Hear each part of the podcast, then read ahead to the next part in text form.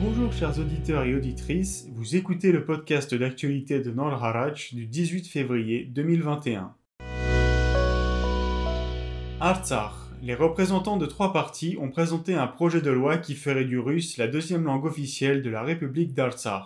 Le projet de loi cite les liens culturels, militaires et économiques du Karabakh avec la Russie, soulignant que le russe est resté la deuxième langue de communication de nombreux Arméniens d'Artsakh depuis la dislocation de l'URSS.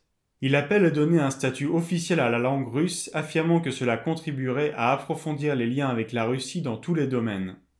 Le projet de loi a été rédigé par des législateurs affiliés au parti d'Araïk Harutunian, le président de la République d'Artsakh, et deux autres partis représentés à l'Assemblée nationale artsakhiot.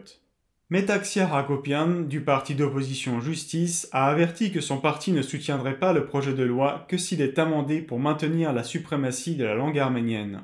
Elle a déclaré que sa version actuelle était en contradiction avec la constitution de la République qui déclare l'arménien la seule langue d'État de la République d'Artsakh. Arménie. Le président russe Vladimir Poutine et le premier ministre arménien Nikol Pachinian se sont entretenus par téléphone ce mercredi. Une déclaration du Kremlin a rapporté que Poutine et Pachinian avaient discuté des aspects pratiques de la mise en œuvre de l'accord négocié par la Russie qui a mis fin à la guerre du Haut-Karabakh le 10 novembre, ainsi que des accords de suivi conclus à Moscou le 11 janvier dernier. Selon Yerevan, Poutine et Pachinian ont convenu de la nécessité d'une libération rapide de tous les prisonniers restants. Au moins 100 soldats et civils arméniens seraient toujours en captivité en Azerbaïdjan. Pachinian a rencontré certains de leurs proches lors de sa visite à Gumri, deuxième plus grande ville d'Arménie, ce mercredi. L'appel téléphonique a coïncidé avec la rencontre du ministre russe des Affaires étrangères, Sergei Lavrov, avec son homologue arménien en visite, Ara Ayvazian. Lavrov s'était entretenu par téléphone avec le ministre azerbaïdjanais des Affaires étrangères, Jeyhun Bayramov, plus tôt dans la journée. Selon le ministère russe des Affaires étrangères, ils se sont concentrés sur la mise en œuvre des accords du 11 janvier concernant principalement la restauration des liaisons de transport entre l'Arménie et l'Azerbaïdjan.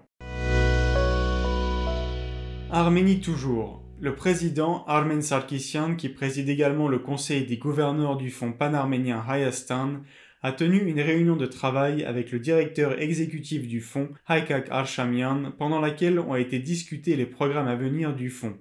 Selon le bureau du président, Armen Sarkisian a souligné pendant la réunion l'importance d'une dépense efficace, responsable et ciblée des fonds donnés par les Arméniens du monde entier, du strict respect des procédures de mise en œuvre des projets, de la transparence et la responsabilité du fonds et de la confiance envers l'organisation.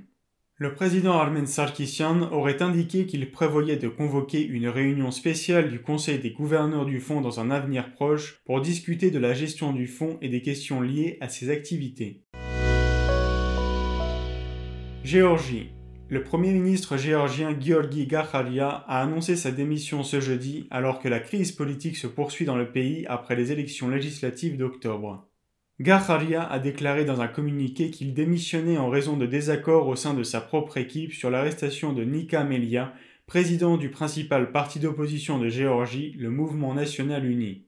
Gacharia a déclaré qu'un désaccord au sein de son gouvernement poserait un risque pour la santé et la vie de nos concitoyens et augmenterait la polarisation politique dans le pays.